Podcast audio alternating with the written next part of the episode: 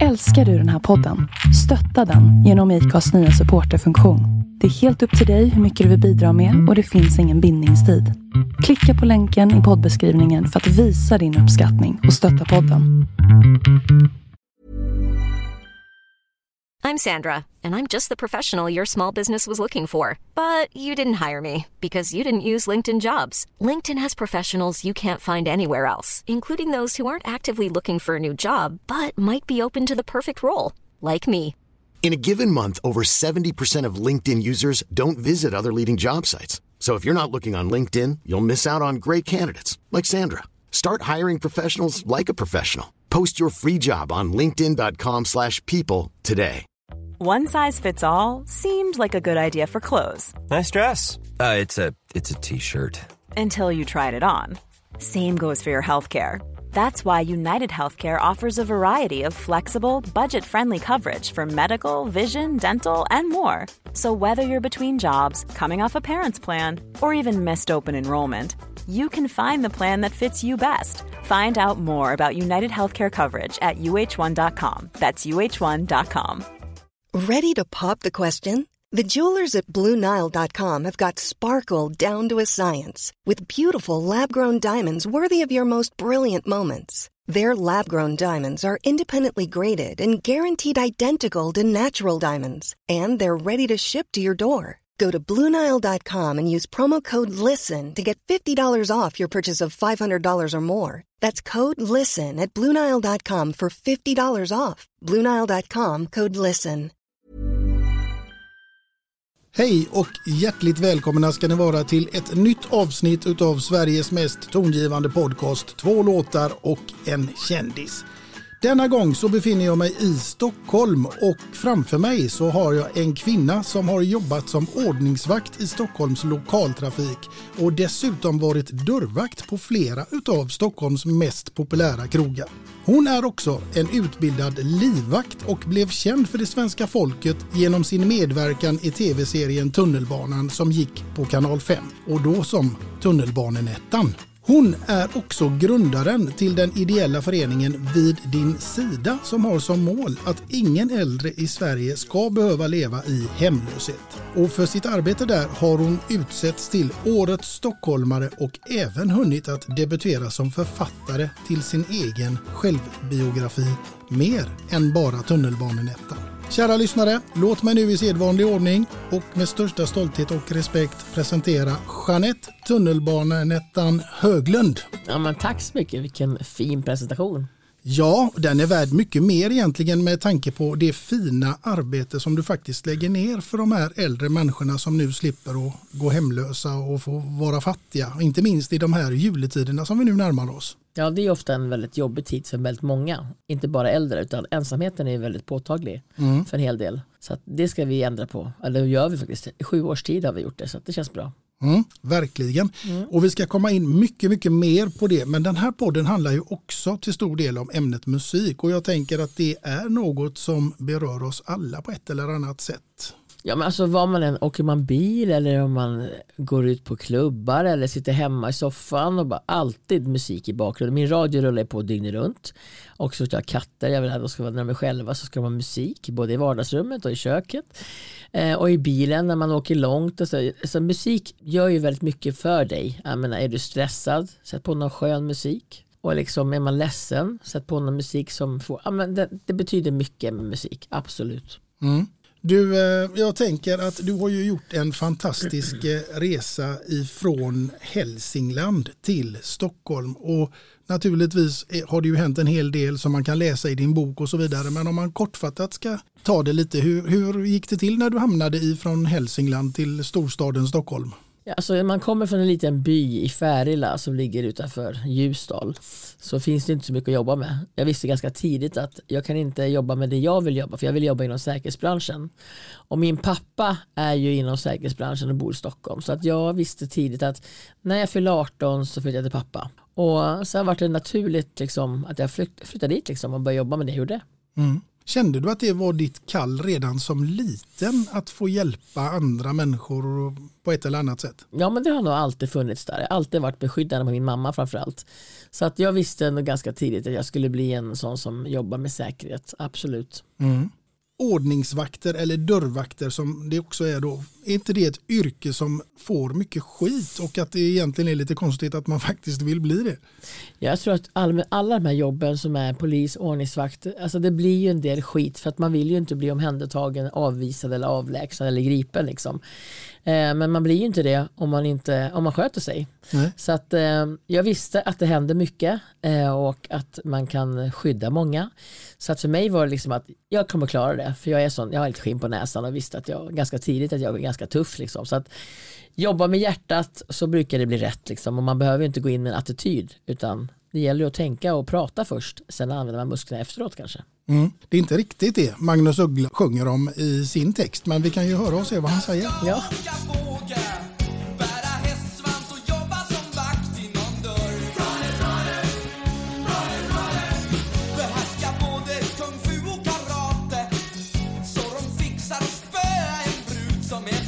Ja du, är det så en dörrvakt är? Nej, inte, inte jag i alla fall. Nej, men eh, jag, eh, jag var ganska, när jag kom till dörren på Café Opera, var min första dörr jag jobbade på, då åkte vi förbi där med en polisbil, jag jobbade på arresten då, sju år.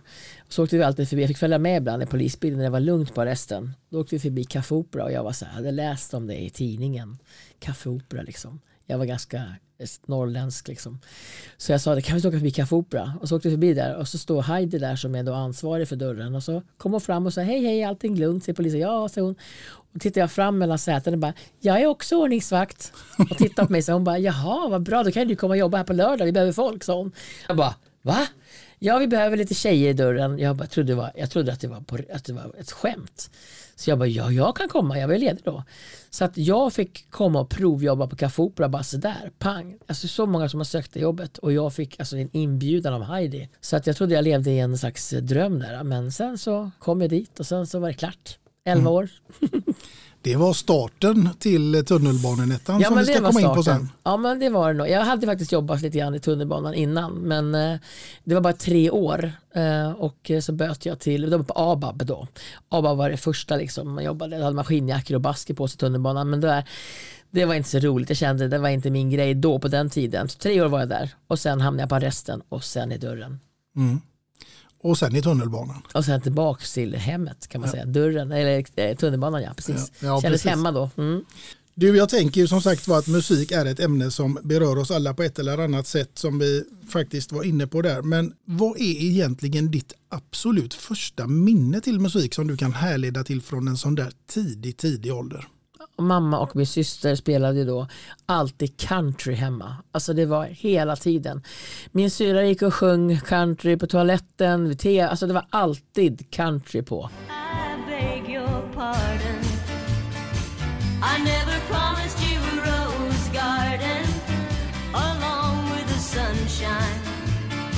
There's gotta och morsan spelade det och jag bara kände så här, orkar inte för jag är ingen countrytjej. Så att för mig var det bara så här, åh, jag gillar mer disco då, jag älskar att dansa gjorde jag på den tiden.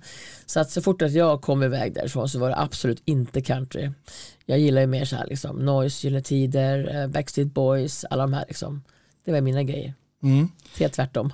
Ja, noise kanske inte är så konstigt med tanke på den här tänker jag.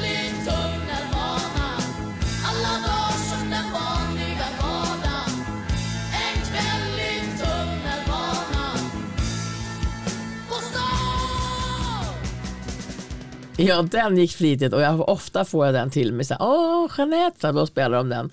Den var i våra soppkök så kan musikanterna ibland spela en kväll i tunnelbanan. Så den, där kommer jag aldrig undan. Nej, jag förstår det av naturliga skäl. Mm. Du, eh, vilken var då den där första plattan som du kom att köpa för egna pengar som du kan komma ihåg?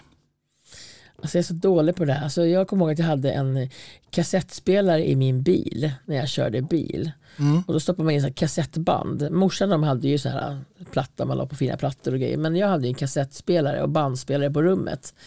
Och jag, jag spelade nog mycket så här Gyllene Tider, Backstreet Boys och sådana grejer. Det var mest det jag gillade liksom.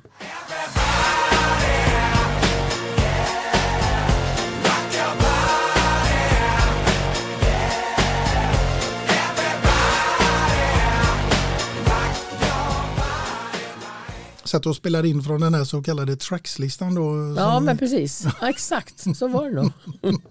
så det kommer jag ihåg och alltid körde bil så hade jag alltid det på inhälliga bandet och stoppade in i, i radiospelaren i bilen. Mm. Var du väldigt ordningsam redan som ung?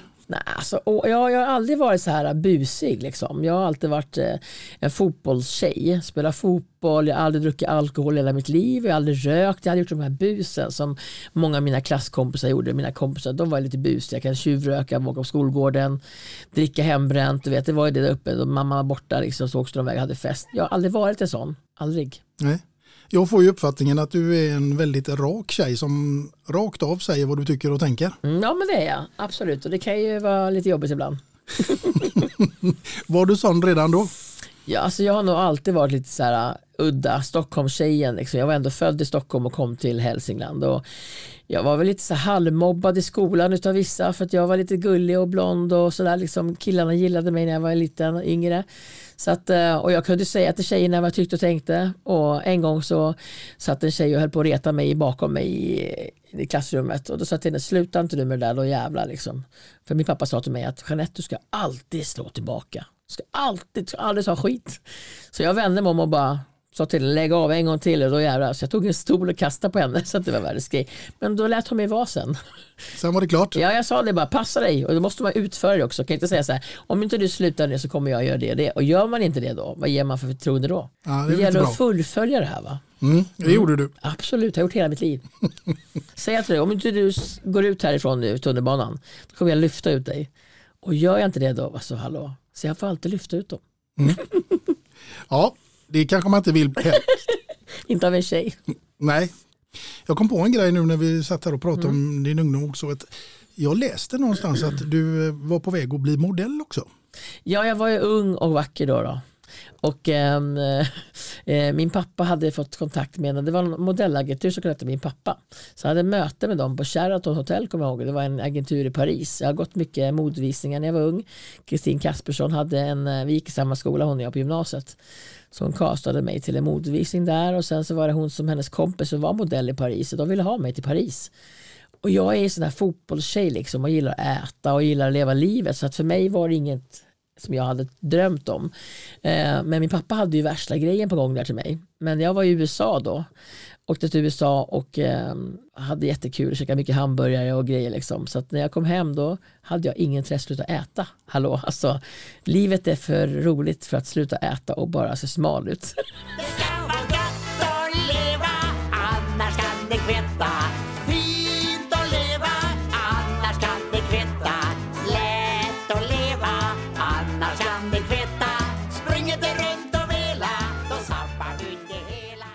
Så jag, jag sa nej till det där. Men jag har gått mycket mannekäng. Jag har vunnit en del så här unga skönhetstävlingar när jag var ung. Men det är en karriär som absolut inte är min grej. Absolut inte.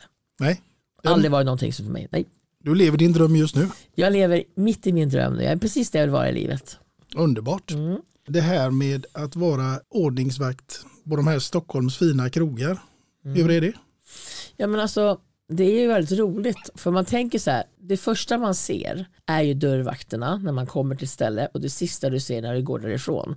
Och allt som händer där inne det är viktigt att man har ett bra sätt att jobba på liksom. Så att eh, på Café Opera framförallt var det ju proffsigt. Där står inte vi som så här bulkiga vakter och muskler utan där är man ganska stiligt klädd.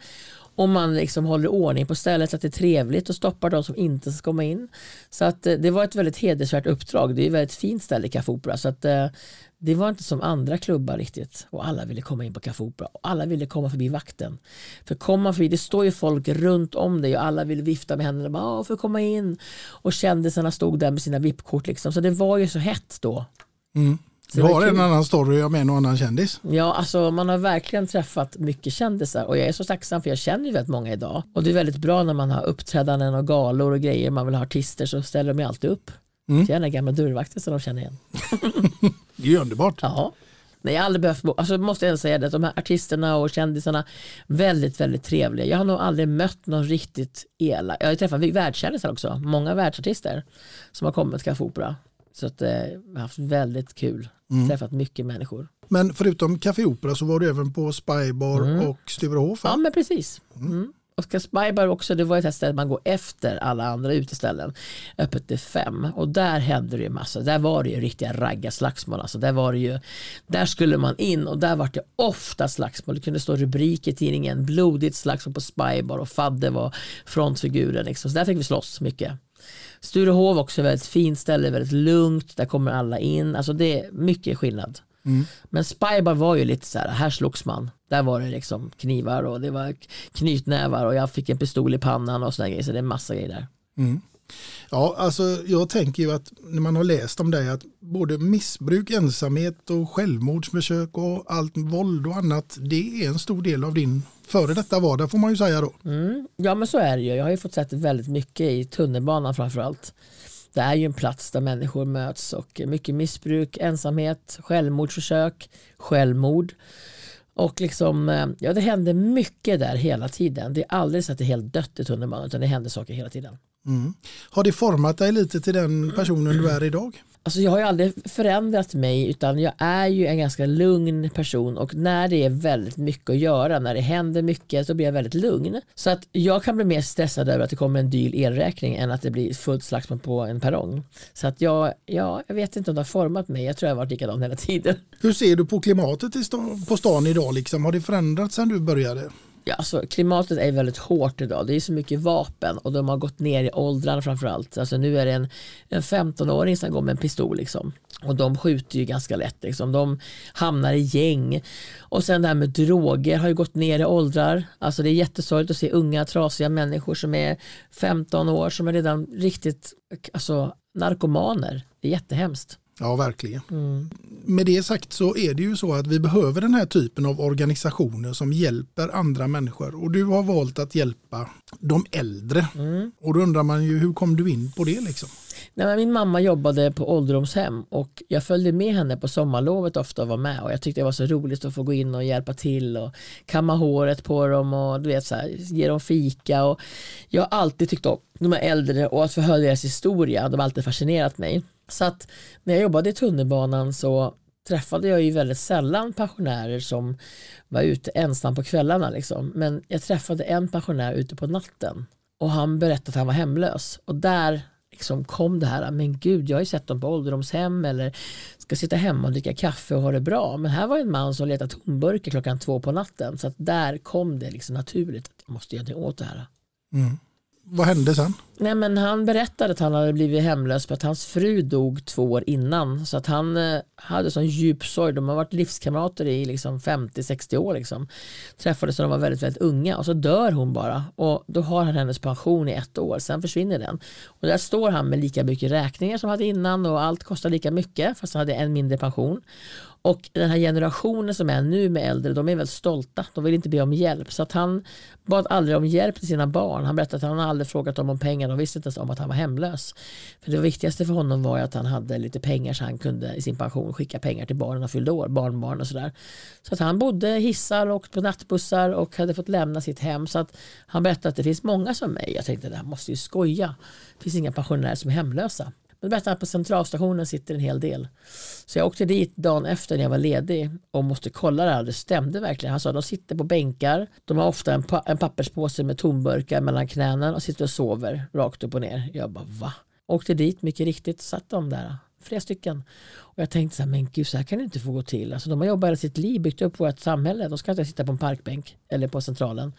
Så jag gjorde en insamling på Facebook och gjorde en livesändning och berättade vad jag hade sett. Och eh, då var jag inte speciellt offentlig så utan mer att jag, alla visste att jag var dörrvakt och att jag jobbade liksom, de visste ju vem jag var så det var lättare för mig att samla ihop pengar så jag fick ihop 32 000 på en vecka. Och sen så började jag köpa kläder och skor och vantar och bad min kompis köra runt mig på alla olika ställen så jag kan köpa in för de här pengarna och så ska jag visa upp dem att det här är liksom, har vi köpt och jag fyllde förrådet mitt hemma i källaren.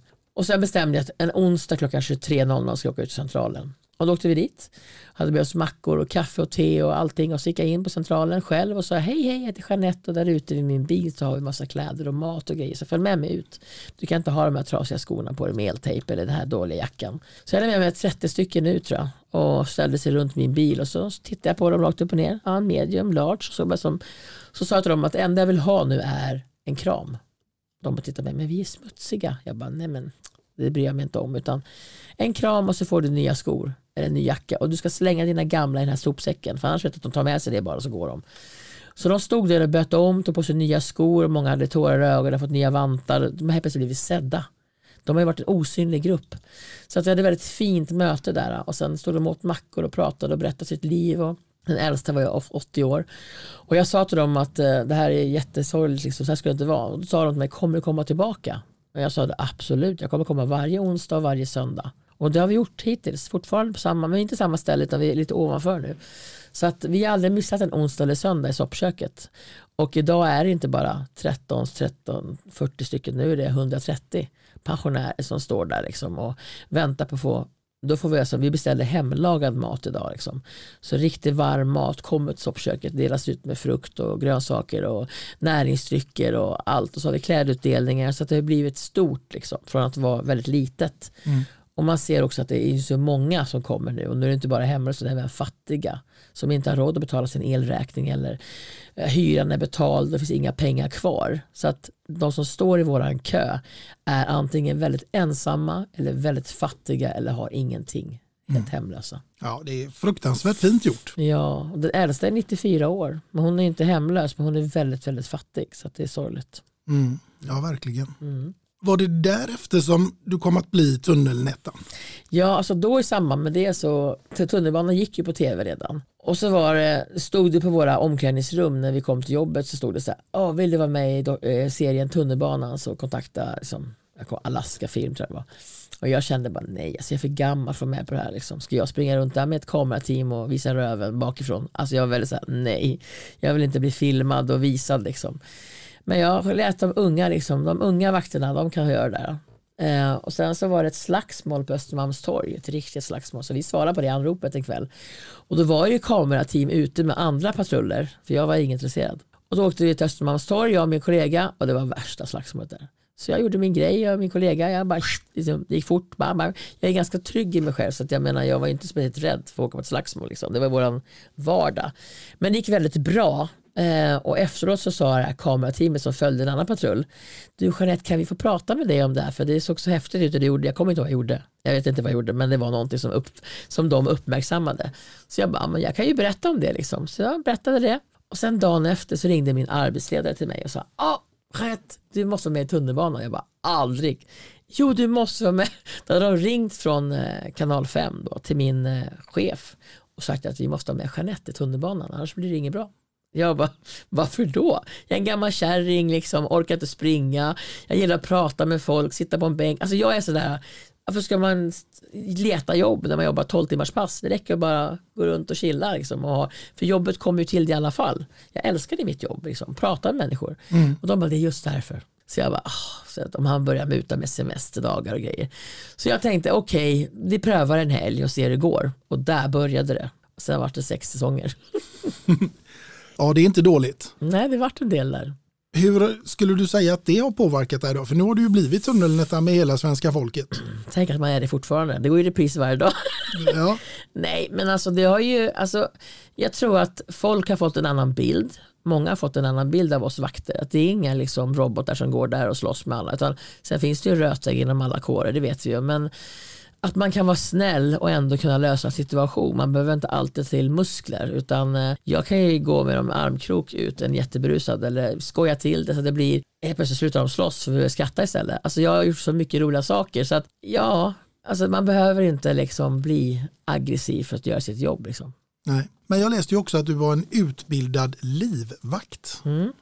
Också väldigt konstigt faktiskt. Men eh, när jag jobbade på Norrmalmspolisen som arrestvakt så jobbade jag sju år från 91 till 97. Och 97 skulle polisen varsla jag tror det var 800, 700 stycken. Och då är det så att för civilanställda skulle de varsla. Då fick man då, är man först in så, här, så blir det sist ut och är man tvärtom sist in först ut. Och jag har bara jobbat sju år så jag hade inte så mycket att komma med. Så jag åkte med på det där. Ja. Och då sa de till mig så här att ja, men du får välja på tre månadslöner eller liksom en utbildning. Och då gick jag runt och tittade så här, fan här, livvaktsutbildning. Så då sökte jag den livvaktsutbildningen, så den blev betald för mig. Och så gick jag den utbildningen, jag var enda tjejen och sen tänkte jag fan det här var ju roligt. Så jag sökte även utbildning i USA så jag drog dit också. Så att jag är lite halvgalen, så här. eller var i alla fall, idag ska jag inte göra det. Men eh, blev du livvakt? Jag blev livvakt, ja, absolut. Jag jobbade, jag jobbat lite här och där och eh, har verkligen sett eh, många sidor. Får du säga vilka du var livvakt åt? Nej, man får aldrig säga det. Men jag kan säga att de var väldigt rika. Men det var inga superstjärnor. Men eh, jag var ändå tjej också. Och när jag åkte till USA så var det inte många tjejer som var livvakter. Eh, men min kompis däremot, han jobbar till de här stora superstjärnorna. Så jag brukar ringa honom ibland fortfarande. Då brukar jag sitta, äh, jag sitter i bilen och väntar på oss och en superstjärna som jag inte säger då. Så att eh, hade jag varit kvar i USA så hade jag säkert jobbat med de stora för jag hade ju ingångar. Men jag längtade hem faktiskt. Jag längtade hem till mamma, jag längtade hem till, till mina kompisar och det här livet. Så det var nog inte riktigt min grej i stora hela i längden. Så jag kom tillbaka till dörren med massa utbildningar istället. Och jä på skjuta var jag också. Ja, och var du det när det gällde fotboll också? Ja, där var jag. Jag, var, jag har alltid varit väldigt lat. Jag var nog latast i hela fotbollsserien där, men jag var snabbast. Jag var väldigt snabb. Jag var en tung center. Så att jag, min fotbollstränare kom på en grej han skulle göra för att jag skulle orka en hel match liksom, eller, och göra mål för jag var otroligt snabb och var duktig på att skjuta. Så han satte mig alltid första halvlek på en match och då var jag så jäkla taggad och bara ville komma in liksom. Så att eh, när han släppte ut mig andra halvlek då var det som en bara, de kallar mig för älgen va. Så jag var som en jävla stormvind på planen och gjorde alltid mål och alltså det var riktigt smart av honom för då, var jag, då orkade jag en hel halvlek. Du gick på ren vilja då? Ja, ja, men jag är lat och har alltid varit lat och liksom, är man lat måste man vara smart. Ja, det kan ju vara en fördel. Ja. Men nu är du inte särskilt lat, det skulle jag inte säga. Nej, nu jobbar jag för mycket nästan. Min kropp är lite trött, men eh, jag älskar det jag gör så man får ju mycket energi av det. Ja, vi sitter ju faktiskt här idag på din enda lediga dag mer eller mindre. Ja, och på min fritidsgårds pensionärer. Ja, ja den är fantastiskt fin. Ja, Det en är, mysig. ja, Så där ser du bilden där. Statsministern och jag. Stefan Löfven, ja, ja precis. för detta. Mm. Nej, men det var roligt. ja, det har verkligen blivit uppmärksammat eh, Mm. det du har gjort. Ja, vår organisation har gjort skillnad, eh, men eh, det räcker ju inte för att politikerna gör inte sitt jobb tycker jag. Så att fortfarande får vi kämpa i motvind. Men en vacker dag så. Vad är lösningen på det? Men lösningen är att pensionen inte ska vara så låg och att de inte ska behöva betala skatt på sin pension som man har jobbat in hela sitt liv. Jag tycker det är bedrövligt. Och sen att man måste ha ett system som fångar upp människor som blir äldre. De, många har ju inte ens bank-id, de har inte ens en, en modern telefon. Alltså de, de är ju gamla, de måste få lära sig det nya. Allt är så himla tekniskt nu. Allt ska vara på mobilen, man ska signera in på en jävla bank-id, de ska göra massa grejer där. De kan inte det. Kontanterna försvinner mer och mer. De här vill ha några hundra i plånboken. Så att det måste ju ses över att låta liksom de här äldre få hjälp. Absolut. Mm.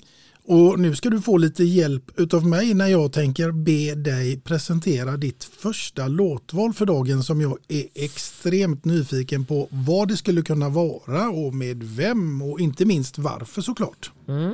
Jag har ju varit med om en hel del nu senaste åren här i, mitt, i, min, i min organisation. Det har varit väldigt jobbigt och då har jag en favoritlåt som jag brukar slå på när jag behöver andas lite. Och det är han Thomas Stenström som heter, som heter Andas in, andas ut. Den behöver jag ofta tänka på.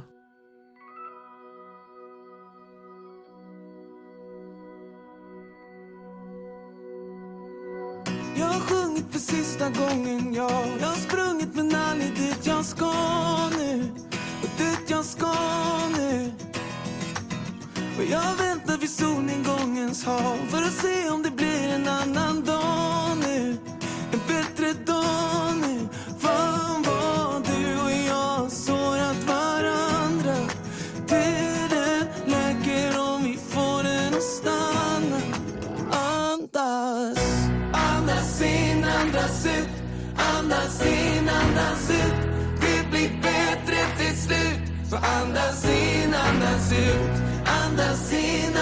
andas ut Andas in, andas ut. Det blir bättre till slut. Så bara andas. Jag föddes med hjärtat utanpå. Det har gått sönder i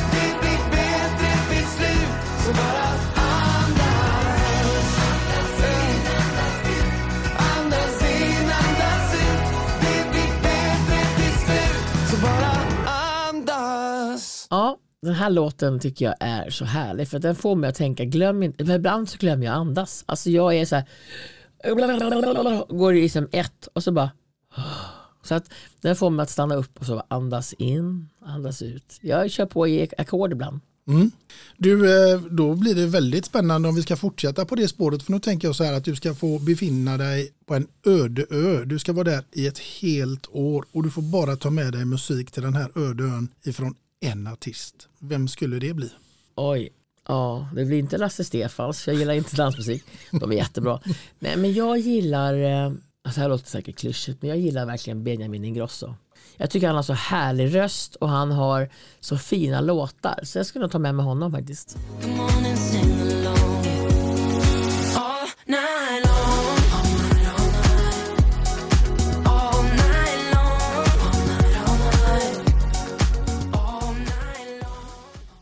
Benjamin Ingrosso Ja. och tunnelbanenettan på en öde ö. Då, då, Ja, men vi har ju haft ett möte han jag förstår när han var liten pojke. Han kom till Café Opera när han var kanske, vad kan han ha varit, 8-9 år. Det finns ett videoklipp som rullar på det runt om i Sverige när han kommer och åker limousin. Och så ska han ge sig in på Café Opera. Vi gjorde en sketch av det här, alltså de frågade om jag ville vara med på den. Och han höll ju på mycket med teater och lite så här musik och grejer när han var liten också. Ja. Så, så då kom han med två livvakter, så här, låtsas. Och så ska han, han har klistrat över sitt ID-kort, eller ett körkort bara, så här med sin bild så att han skulle vara 18 år och komma in där. Och då säger jag så här, men det här är ju inte du. "Äh, Det är det visst. Ja, det var så kul. Så att han har väl varit med väldigt många år, lilla Benjamin. Jag har sett honom växa upp och bli en fantastisk artist. Ja, men då, då låter det som ett klokt val. Ja, jag tycker det. Han följer med mig. Ja, det får han göra. Vi ska ta oss till ett helt annat scenario men också i musikens tecken. Och då är det så här att nu tänker jag att du, trots att du är lite lat, så är det faktiskt så att du går hemma och städar. Radion är påslagen. Och helt plötsligt så dyker det upp en låt på den här radion som får dig att känna att nej, nej, nej, inte en chans. Jag stänger av eller byter kanal. Eh, vad kan det vara då? Alltså jag gillar ju inte hårdrock, det värsta jag vet. Jag gillar inte jazz. Så att kommer något sånt då liksom. Men om det är någon speciellt låt du tänker på eller? Som jag inte gillar. Oh my god, vad kan det vara? Alltså jag är dålig på det. Alltså du ställer mig tufft mot väggen här nu. Jag städar och så kommer det en, en låt som jag inte tycker om liksom. Ja, Så jag vet verkligen inte. Jag, jag brukar bara låta det rulla liksom. När jag städar hör jag i alla fall inte. Dammsugaren är på. så det, blir så, oj, det blir så svårt. Jag kan ingen namn just nu. Jag är dålig på det här. ja, ja men då nöjer vi oss med att hårdrock eller jazz det är Ja, men det går inte. Alltså, Nej. jag får inte huvud. Ja, då stänger vi av helt enkelt. Ja. Du, eh, någonting eh, som du inte skulle stänga av det är förmodligen den låten som någon skulle kunna få skriva om tunnelbanenettan. Och det Mm. undrar jag, vem skulle kunna få skriva sången eller visan om tunnelbanenettan? Ja, men Benjamin såklart. Benjamin, Han är så duktig. Han är ju han är ett musikaliskt geni. Han skulle göra det jättebra tror jag. han Benjamin ligger bra till Ja, men han är fantastisk. Jag tycker han är, alltså han är en, eh, nu är han så mycket yngre alltihopa, men han är otroligt duktig. Han, jag gillar ju svenska låtar också. Jag tycker det är härligt att lyssna på. Han är bra. Han skulle få göra det faktiskt. Jag tror han ska göra en jättebra låt om mig där. Vi får se om han dyker upp igen nu Ja. när jag kommer med nästa Ja, fråga. okej. Ja, För nu ska du befinna dig i det här scenariot. Du är hemma, du ska ha en middagsgäst. Mm. Du får välja precis vem du vill, död eller levande. Det är bara fantasin här nu som sätter Mm. gränserna. Jag vill veta vem den gästen hade varit, vad du hade bjudit den här gästen på till middag och till vilken låt som hade fått ligga där i bakgrunden till det här fantastiska scenariot. Oh. Alltså jag har ju en drömman va. Mhm. Som är jättekänd och han heter Dwayne Johnson, The Rock. Ja, ja, ja. Alltså ja. that's my type of guy. Alltså. Därför är jag singel. Finns ingen som han. Och ska bjuda på fläskfilé och eh, pommes frites och bea för det enda jag kan laga mat. Det enda jag kan liksom. Typ. Eh, och så skulle man lyssna på en låt också. Mm. Mm, jag tycker faktiskt att en väldigt sexig låt, alltså sexig musik, det är hon, eh, vad heter hon då, Beyoncé. Alltså hon är ju riktigt bra alltså. Och jag älskar även J Lo, hon sjunger jäkligt bra. Så de, de låtarna, alltså just låten vet jag inte men jag kan inte vad den heter men den är så här. Vet du så här, vet du vad heter den? All the single ladies. Den är Ja, så ja. bra för jag är ju singel va. Och så kan han bara åh.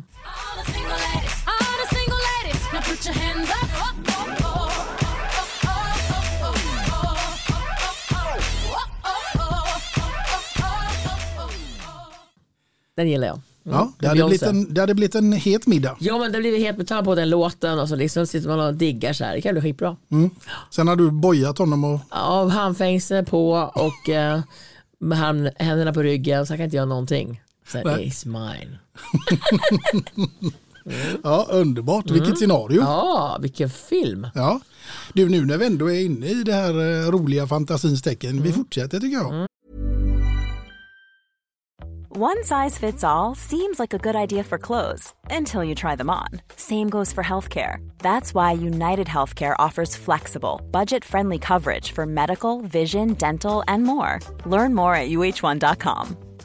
Ready to pop the question? The jewelers at BlueNile.com have got sparkle down to a science with beautiful lab grown diamonds worthy of your most brilliant moments. Their lab grown diamonds are independently graded and guaranteed identical to natural diamonds, and they're ready to ship to your door. Go to BlueNile.com and use promo code LISTEN to get $50 off your purchase of $500 or more. That's code LISTEN at BlueNile.com for $50 off. BlueNile.com code LISTEN. Hey, it's Danny Pellegrino from Everything Iconic.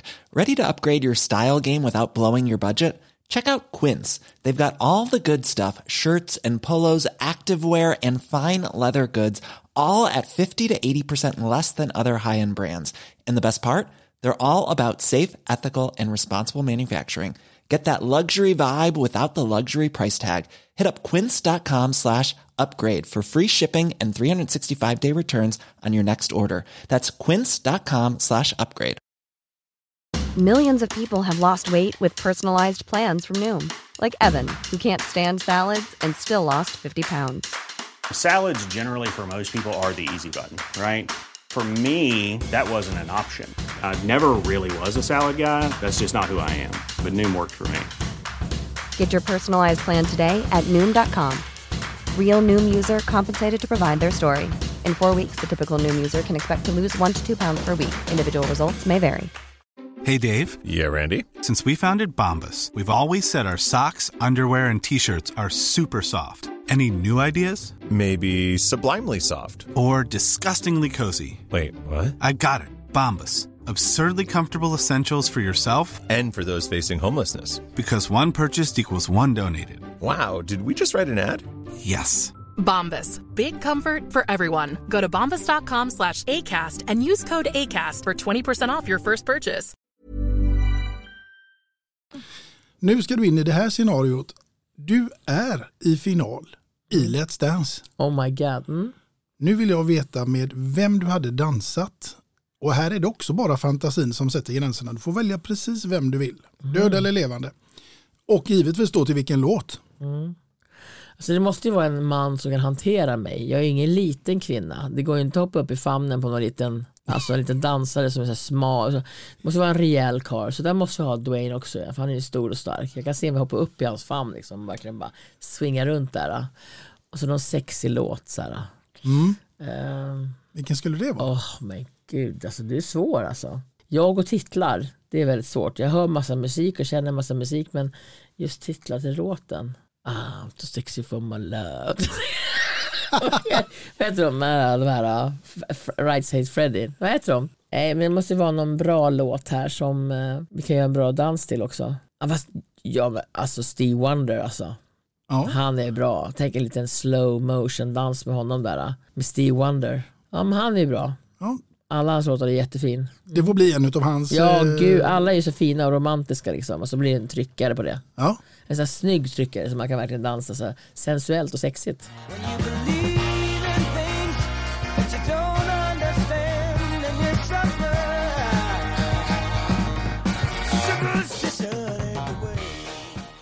Vem vet, det här kanske blir verklighet. Ja, Men kanske inte? Dwayne då, då men ja, det har ju lagts ner nu då. Annars kan det vara med. Ja. Mm. Ja, ja, vem vet, det kanske startar upp igen. Ja. Du, nu tänker jag så här att vi ska komma in lite på att du har hunnit att bli författare också. Mm. Hur gick det till? Jag kommer ihåg att jag satt på tåget upp, jag skulle uppåt i landet och så skriver min fotograf till mig, Maria Österling. Hon brukar fota mig på olika grejer. Och så sa hon så här, du har aldrig tänkt på att skriva en bok? Jag bara, nej det har jag aldrig tänkt på. Och då sa han, men jag tycker du ska skriva en bok för jag känner några eh, bokförlag som har pratat om dig och sagt att de vill, vill försöka få tag i dig. Liksom. Jag bara, men gud, då vart det så här, men alltså, jag kan inte skriva. Jag skriver väldigt mycket i sociala medier, jag skriver jättemycket på min Facebook, min sida och är väldigt bra på att uttrycka mig. Men jag är inte bra på att stava sådana grejer. Jag kör ju bara känslomässigt skriver jag. Och, eh, så att för mig var det ganska overkligt då, men det slutade med att jag var på möten på lite olika bokförlag och kände mer och mer att jag kanske har en bok i mig för de sa så här, men gud, alltså de satt och grät, vissa torkade tårarna och det är bättre om mitt liv och min organisation och så att det slutade med att jag valde ett bokförlag som kändes bra. De lyssnade på mig och mina behov och sen så bara körde vi. Det gick ganska bra. Det var en resa. Alltså det blir ju väldigt terapeutiskt att skriva en självbiografi. Att gå igenom sitt liv och komma ihåg framförallt. Mm. Men jag gjorde faktiskt det och den vart väldigt bra.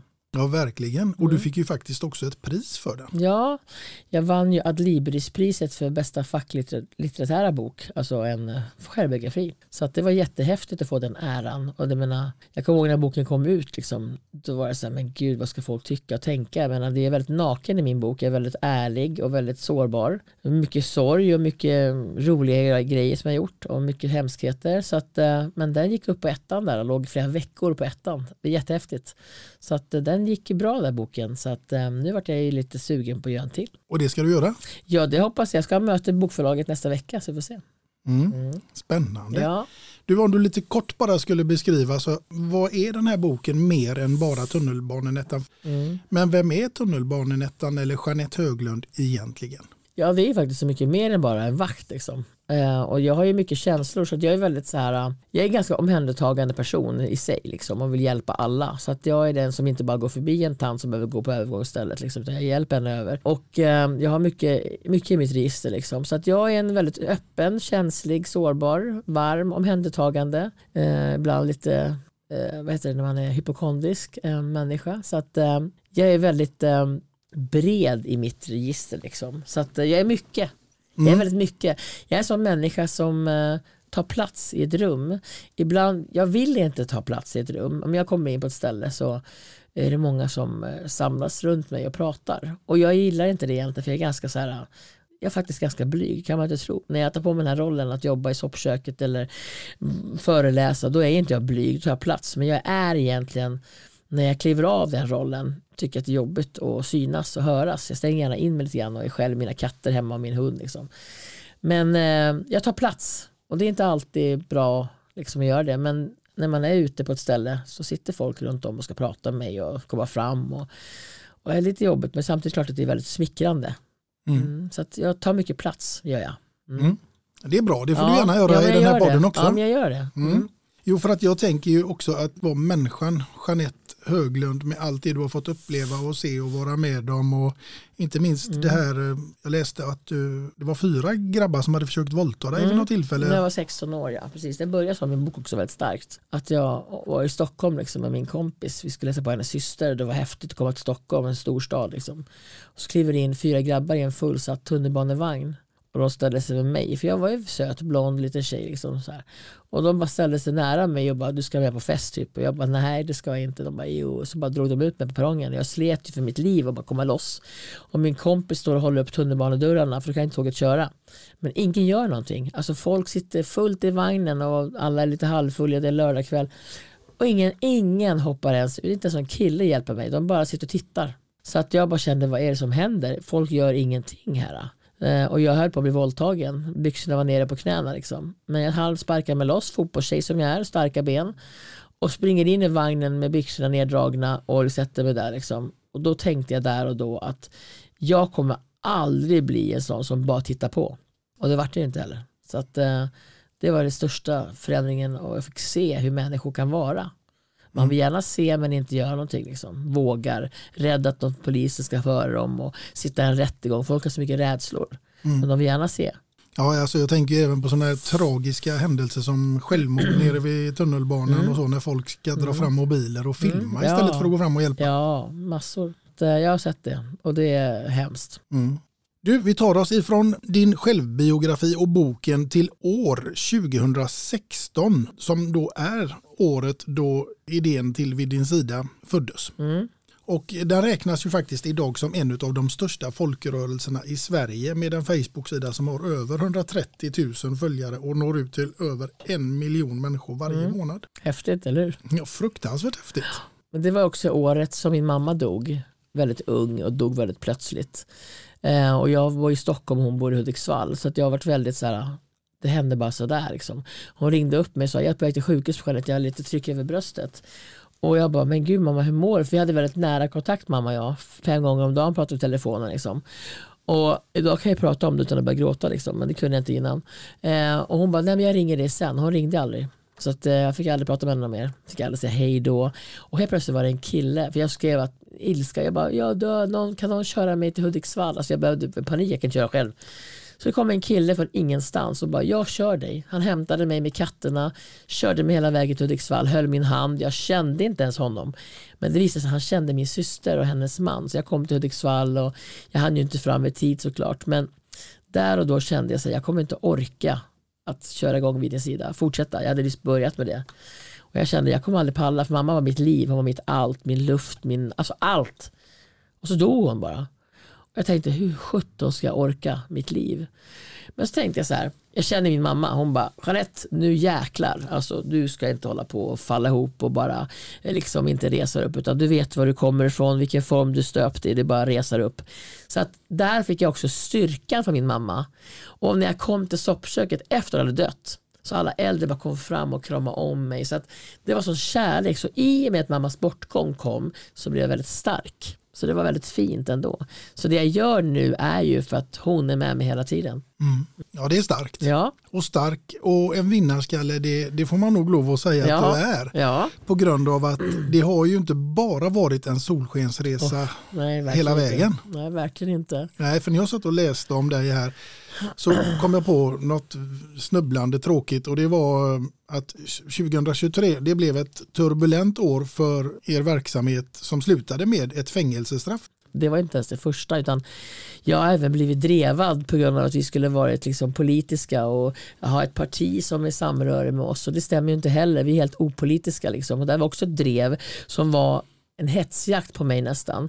Eh, där jag fick skaffa skydd. Liksom. Det var väldigt obehagligt. Och då när det går över tänker man så åh vad skönt, alltså, nu är det över. Det har varit ännu större och starkare och massa kärlek från folket. Men det var också en smäll att jag ramlar ner och ska ta mig upp. Och innan dess var det också två människor som försökte kapa organisationen. Och när jag tog mig upp ur det, liksom, så det har alltid varit motgångar. Men den här sista smällen, med att bli lurad av en människa som man såg upp till som en mentor, som, en, som nästan en mammafigur. Att ha bedragit hela organisationen i två års tid och gjort mig så sårad. Så där kände jag att det här kommer jag aldrig greja. Jag kommer aldrig greja den här smällen. Men det har du gjort. Det gjorde jag med den kärlek jag har runt om mig från fantastiska människor i organisationen som har lyft mig, stått kvar som en mur runt mig. Mina närmaste, mina anhöriga och eh, svenska folket framförallt som har trott på en liksom, och stöttat mig i det här. Så jag är så tacksam. Och det har blivit ännu bättre och ännu större nu för nu fick hon faktiskt ett straff och pengarna kom tillbaka. Mm. De är på plats. De är på plats. Karma tog kärringen ända in i finkan. Mm. Och jag kan äntligen ha en, vakna upp en dag och inte ha en klump i magen. För det hade jag två och ett halvt år. Att känna att usch, att inte få berätta. För det här var ju under utredning. Det var ju locket på. Att inte få berätta för sina nära, inte få berätta för sina i organisationen. Att verkligen ha munkavel och att gå med den jobbiga grejen i så lång tid. Det gör mycket skada i din kropp. Alltså jag hade otrolig inre stress. Fick käka lugnande emellanåt. Jag hade magkatarr deluxe. Och alltid ångest att sova och vakna upp och känna hur ska jag kunna ha mitt pokerface. Att ställa fram mitt pokerface liksom. Och bara vara glad och, som jag alltid är. Glad och skratta mycket när man vet att det ligger en sån sorglig grej och trycker. Så när det var rättegång så kände jag att jag kommer inte klara av att se henne. Alltså hur ska jag kunna se henne efter allt hon har gjort mot organisationen. Men precis klockan ett skulle vi in och vittna. Jag skulle vittna då. Så kvart i ett så var det som att, eller tio, ett, att någon vred om en knapp i mig och, tänkte, och sa så här till mig. Jeanette, se det här som att det är i tunnelbanan, du ska in och vittna eller vara målsägare för alla gangsters du har tagit och sätta dit dem. kliv in, gör din grej. Och jag gick in med sån styrka och de satt bakom i åskådarstolarna. Så att jag kände deras kärlek, jag kände deras händer på mina axlar och alla som jag stod mig nära, min mamma, alla stod runt mig. Och jag bara, vuff, jag, alltså, jag var inte ens darrig på rösten. Och jag tittade på henne, men hon tittade bara ner i bänken. Och jag var väldigt, och då sa de så här att ja men du liksom eh, då får jag börja med att, att säga liksom att om man får säga att man inte kan svara på frågor och så här. Men jag bara, jag svarar på allt. Jag, kan, jag har verkligen här för att säga sanningen liksom. Så när jag klev av, när det var klart, då tänkte jag så här, nu är det över. Det här två och ett halvt års väntan. Jag fick säga vad jag kände och tyckte och sätta mig där. Och det första jag hände när jag satte mig ner på stolen bakom där när man har vittnat klart. Det var att en av hennes för detta bekanta som har vänt henne ryggen såklart. Efter allt det här. La handen om mig och sa Gud vad bra det var. Nu får hon. Och jag kände sån styrka där och då att, liksom att nu fick jag upprättelse. Mm. Och jag tänkte så här, vad än straffet blir så fick jag säga vad jag kände. Och straffet blev ju bra. Mm. Så att det kändes skönt. Och det viktigaste av allt, pengarna kom till sin Ja, rätta. verkligen. Till alla givare som har gett pengar, som har gett det till oss för att vi ska ge till våra äldre. Och hon tog dem. Alltså att hon ens kunde leva med sig själv. Att gå på Grand Hotel och käka fint och betala biljetter till Ellegalan och allt vad hon har gjort. Liksom. Och betalt taxiresor för de pengarna jag har slitit för att få in till organisationen. Mm. Men nu kom de tillbaka. Ja, det är underbart. Mm. Det underbart. var ett bra slut. Systemet fungerade bra den här gången. Mm. Så jag är jätteglad. Men för dig personligen så innebar ju det också att du tackade nej till Svenska hjältar. Ja, jag fick ju tacka nej till det för att eh, när man var då nominerad och gick vidare och skulle träffa juryn och allt det här då ska man visa bokföringar och grejer och det kunde inte vi göra för den har hon fuckat upp totalt. Vi kan inte komma upp med sån trasig eh, stort hål i våran bokföring. Så att jag fick tacka nej och säga tyvärr jag kan inte på grund av omständigheter. Jag sa inte vad. Och det var ju väldigt tråkigt, hon förstörde så mycket för mig. Så att, eh, men samtidigt för mig är det inte viktigt att stå på en scen och ta emot ett pris. Jag har fått så mycket kärlek av svenska folket ändå. Vår organisation har fått så mycket kärlek så att ett pris gör varken från eller till. Men det hade varit roligt att få komma dit och få se det här stora häftiga och stå på scenen och så här, såklart. Mm.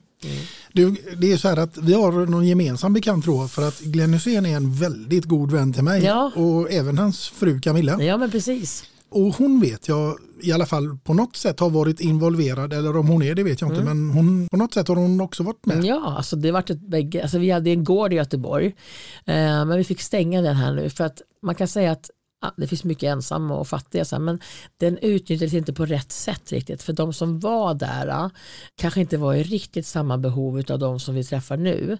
Så vi kände att det, liksom, eh, det vart inget bra, så att vi kan vara öppet tre dagar i veckan där. Och det, det blir liksom inte bra, så vi kände att nej, men vi satsar på punktinsatser istället. Så vi kommer inte bara lämna Göteborg sitt öde, utan även fast vi har fått stänga gården så kommer vi ändå hjälpa göteborgarna ändå. Liksom. De som behöver, utan som kommer, våra gäster där borta, kommer få den hjälp de behöver. Så att det är inte det, men vi kände att det måste finnas, det är lättare för att hinna med i verksamheten. Att jag kan inte vara överallt. Jag hinner inte vara där ofta, för att jag skulle vilja vara där ofta. Så att då är det bättre att man har huvudgården här liksom, och sen att man gör punktinsatser om, i- ute runt Sverige. Mm. Så tyvärr stängde vi den, men Camilla och Glenn är fortfarande nära. Ja, absolut. Underbara ja, människor det Ja, också. helt fantastiska. Stora hjärtan bägge två. Absolut. Du, ehm, de här pensionärerna som ni hjälper, Mm. ja, om jag fattat det rätt så kan de ansöka om en påse med mat för tusen spänn eller vad är det? Ja, alltså först det är så här, har man det riktigt jobbigt, då har vi sagt att då kan man mejla till oss eh, och så får man då berätta vem man är och varför och hit och dit. Och så kollar vi upp kontoutdrag, det måste man alltid göra. För sitter någon med mycket pengar, det är bättre att ge pengar till de som inte har.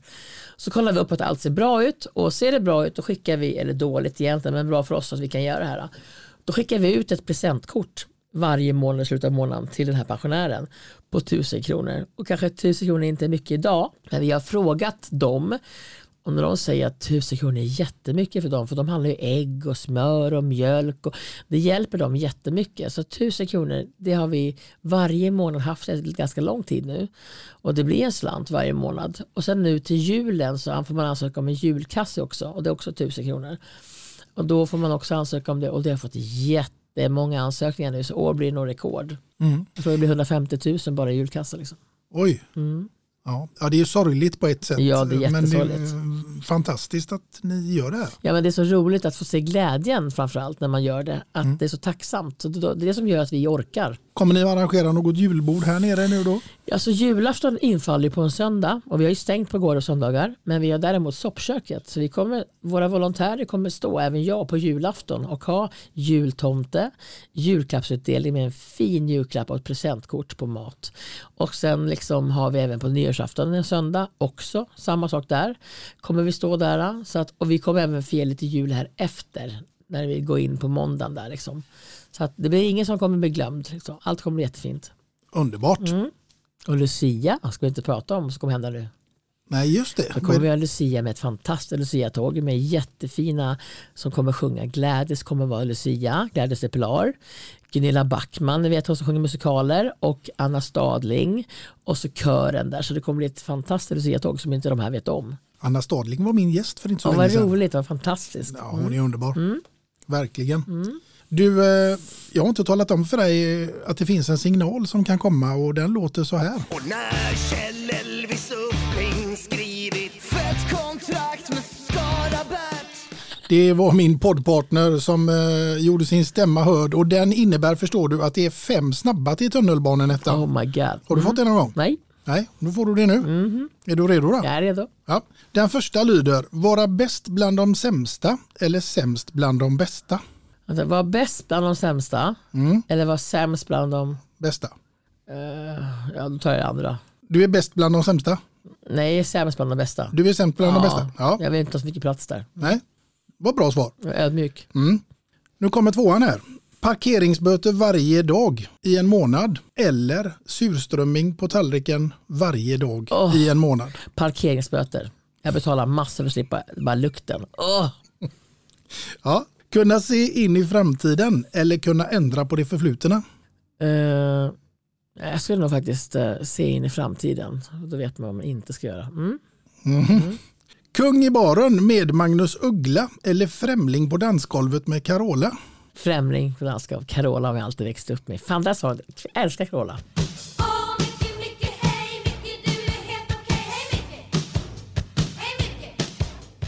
Ja. Hon får den. Ja. Mm. Sjunga duett med Ulf Kristersson eller Magdalena Andersson i Melodifestivalen. Hellre Ulf Kristersson. Mhm. Vad hade ni sjungit då? då? Ja, vad ska vi sjunga då? Så se på mig.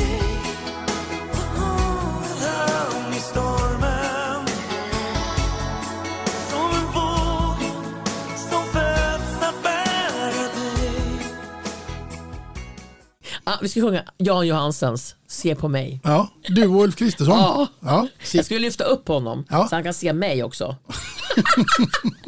ja, jag dör. Mm. Vilken syn. Ja. Ja, underbart.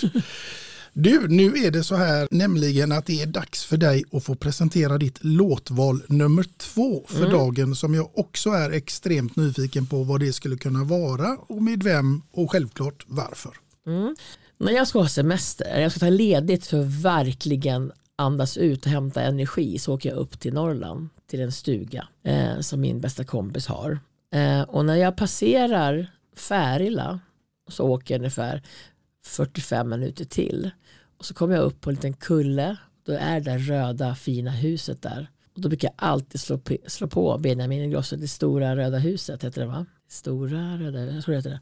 Den slår jag i alla fall alltid på med den låten och så svänger jag upp där och då mår jag som bäst. Så Benjamin Ingrosso är med här. Ja, alltså han är med där också. Han är, Ja. han är med i bakgrunden oftast. Mm. Ja, då tycker jag vi kör den nu. Ja.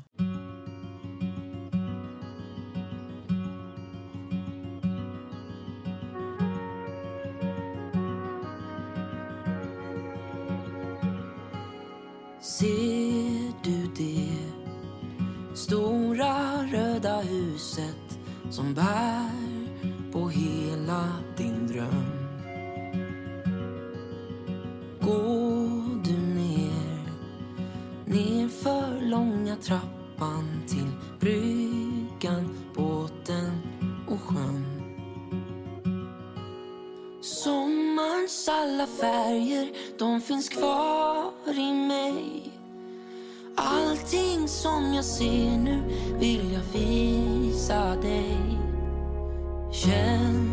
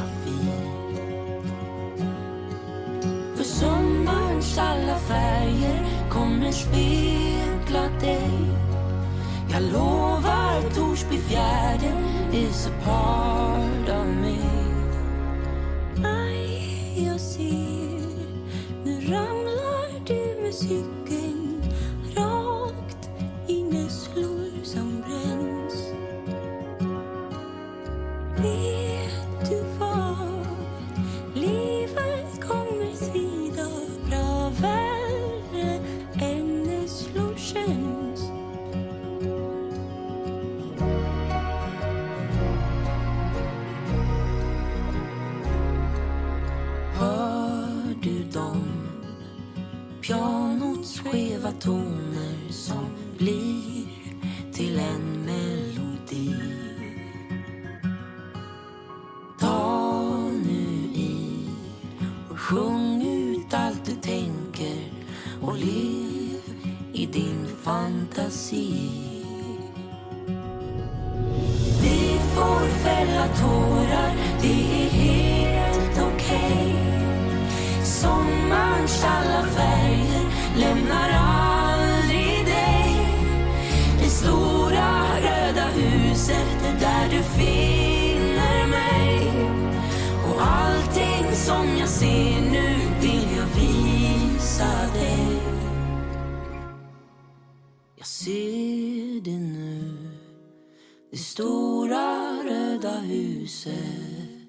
Jag har nu en dröm att de här bokpengarna som kommer in ska bli till mitt röda hus som jag ska ha för att kunna ha det och åka till också. Så att man har någonting som man kan kanske bli gammal i.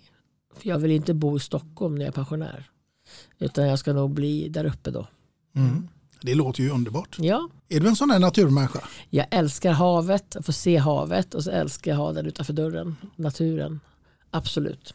Mm. Underbart. Nu ska vi se någonting här som kommer att bli ganska roligt tror jag. Därför att jag inbillar mig att du är väl bekant med sagan om Snövit och de sju dvärgarna. Absolut. Mm. Där finns det ju sju karaktärer som heter Kloker, Toker, Trötter, Butter, Glader, Blyger och Prosit. Ja. Din uppgift här nu den blir att placera ut människor som du har mött under din karriär och som här får passa in under respektive karaktär. Aha. Och då undrar jag, vem av alla människor du känner i världen skulle kunna få bli kloker? Min bästa kompis Susanne. Mhm. Mm. Hon är alltid, henne ringer jag alltid jag behöver några kloka råd. Susanne får den. Ja. ja.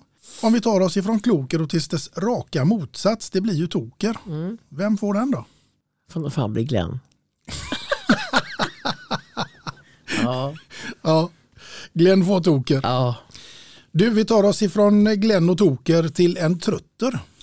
Ja, alltså trötter. Det får nog bli hu husmor här på gården. Hon är alltid morgontrött. Linn. hon alltid, innan hon vaknar så kaffe och grejer. Då är hon trötter. Ja. hon får trötter. Ja. Mm. Du, en som inte är lika rolig det är ju Butter. Ja. Vem får den? Åh, det får fan bli hon.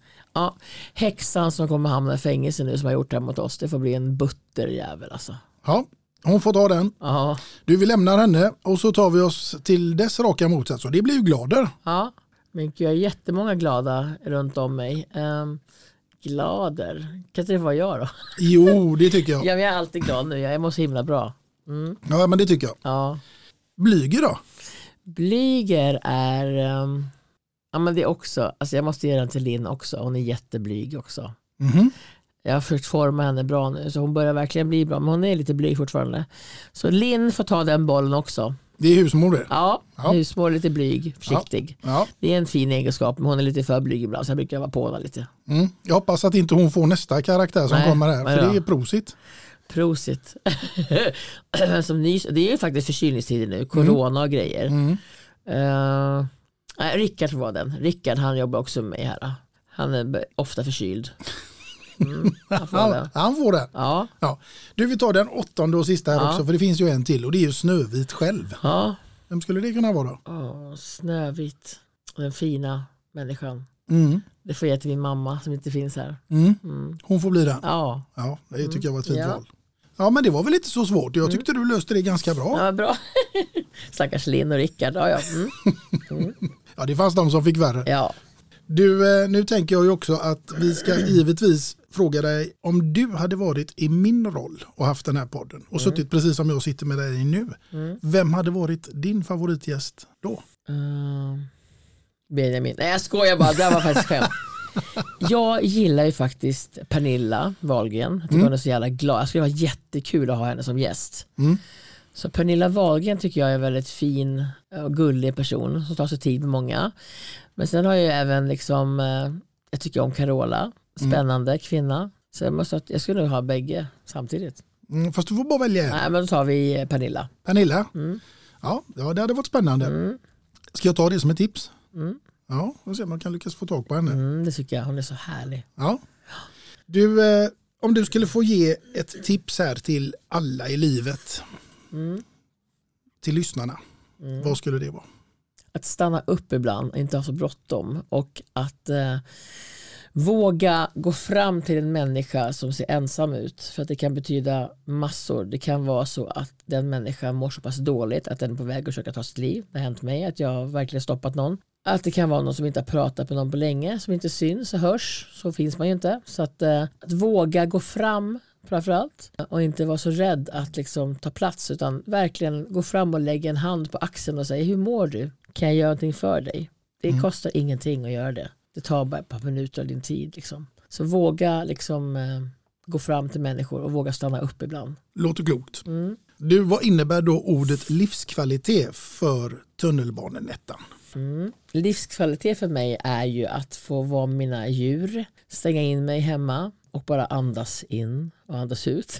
Sen att få göra det jag gör. Jag lever ju, ju nu i min dröm att få hjälpa dessa människor. Så att när jag åker upp till norr eller åker bort till söder eller är i Stockholm och gör, så är det ju livskvalitet. För jag hjälper ju människor med min organisation som har jobbigt. Så att jag kan ge dem ett livskvalitet faktiskt. Så att jag lever just nu i det.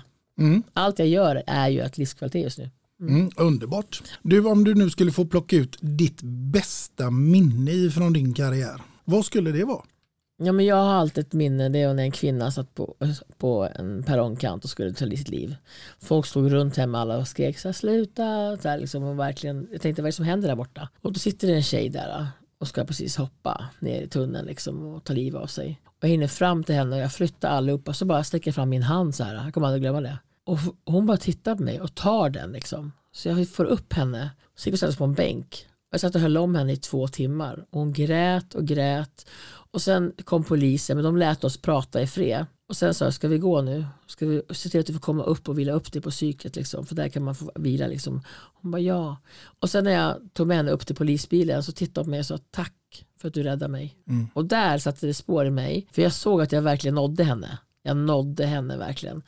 Och jag brukar tänka så här, undrar vad hon gör idag, hoppas hon mår bra. Men jag sa till henne så här, du har försökt ta liv av det förut säger du flera gånger. Ja, sa hon, jag försökte skära mig och hoppa men det går inte. Liksom. Varför tror du inte det då? sa jag. Hon bara, jag vet inte. Men varför tror du inte att det går? För att det inte är meningen så. Exakt så jag. Du är inte klar. Du har mycket att ge, du är så ung. Så nu ska du ändra, liksom, du måste börja leva. Så att hon liksom, jag nådde fram till henne men jag glömmer aldrig den gången för det var liksom så mycket folk där borta där hon var. Och hennes kläder var ihopvikta liksom, på sidan om. Så att hon var redan bestämt sig. Liksom. Så det glömmer jag aldrig. Usch, ja, ja, underbart att det Mm. slutade lyckligt i alla fall. Absolut. Verkligen. Du, det undrar jag ju lite grann här hur dina morgonrutiner ser ut. Även om du är lite lat så... Fast jag är jävligt morgonpigg. Du är det? Ja, Ja, ja. då ska jag tala om för dig att jag brukar ställa klockan på 8.30. Kan ligga och dra mig och kolla igenom alla sociala medier och grejer. Så går jag upp, så går jag rakt in i köket, öppnar min så här, tunna jag har där med kalldryck. Det är min kaffe. Det tar jag antingen en sån här, näring, en sån här en latitude eller whatever, bara det är näringsdryck. Eller näringsdryck heter bara äldre, men eh, en, eh, vad säger man, en eh, koffein. Energidryck. Energidryck ja, man ska inte dricka det. Det är inte bra. Men jag har en sån varje dag, en om dagen tar jag. Och då dricker jag den. Och så tar jag mina vitaminer på morgonen, sätter mig vid köksbordet, fram med sminkväskan. Jag duschar alltid på kvällen när jag lägger mig för jag vill liksom lägga mig ren och så vaknar jag upp så här liksom. Eh, och sen så kammar håret och sminkar mig när jag sitter där och så står alla katter på bordet och då vill jag ha mat så då ger de frukost. Och sen så, det tar ungefär en timme för mig att bli ordninggjord. Sen drar jag med bilen till gården Om man inte ska åka ut i landet och göra något annat då. då. Mm. Och det jag fiskade efter det var egentligen om kaffe var viktigt Nej för dig. det är inte men det här är koffein. Ja. Så jag måste ha någon slags koffein tror jag. Mm. Ja. Det var nämligen så att jag tänkte att jag ska få be och bidra med någonting till dina morgonrutiner. Mm. Och det är en kaffemugg, det kan i och för sig lika väl vara en temugg. Men Ja, två. Mm. ja, två låtar och en kändis och givetvis ditt namn ingraverat här på baksidan Men som jag fint. tänker att du ska ha som ett fint och trevligt minne Ja. ifrån den här Ja stunden. men vad roligt. Det ska vara på gården också. Här är jag varje dag. Ja, Jättefin. Tack. Du, en, det är jag som ska säga tack för en fantastiskt trevlig poddstund här med dig idag. Det var Nej jag tycker det har varit en bra samtal här. Mm. Jättetrevligt. Mm.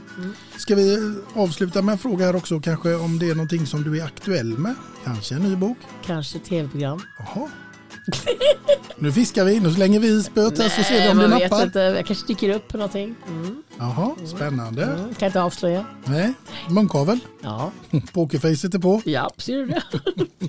Ja, men vi, vi ska följa dig med spänning Mm. såklart. Och eh, naturligtvis så får vi ju rekommendera folk att köpa din bok. Och var gör man det någonstans då? Ja, men det kan man göra där alla böcker säljs och på nätet. Det finns faktiskt överallt. Mm. Och med det så får vi säga tack för idag och till er kära lyssnare så hoppas jag ju självklart att ni finns med nästa gång och vem som sitter framför mig då, det återstår ännu att se. Men tills dess får ni ha det så gott där ute allihopa. Hej då! Hej då!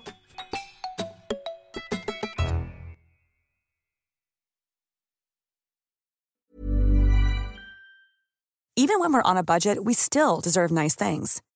Quince is a place to scoop up stunning high-end goods for 50 to 80% less than similar brands. They have buttery soft cashmere sweaters starting at $50, luxurious Italian leather bags, and so much more. Plus, Quince only works with factories that use safe, ethical, and responsible manufacturing. Get the high-end goods you'll love without the high price tag with Quince. Go to quince.com/style for free shipping and 365-day returns.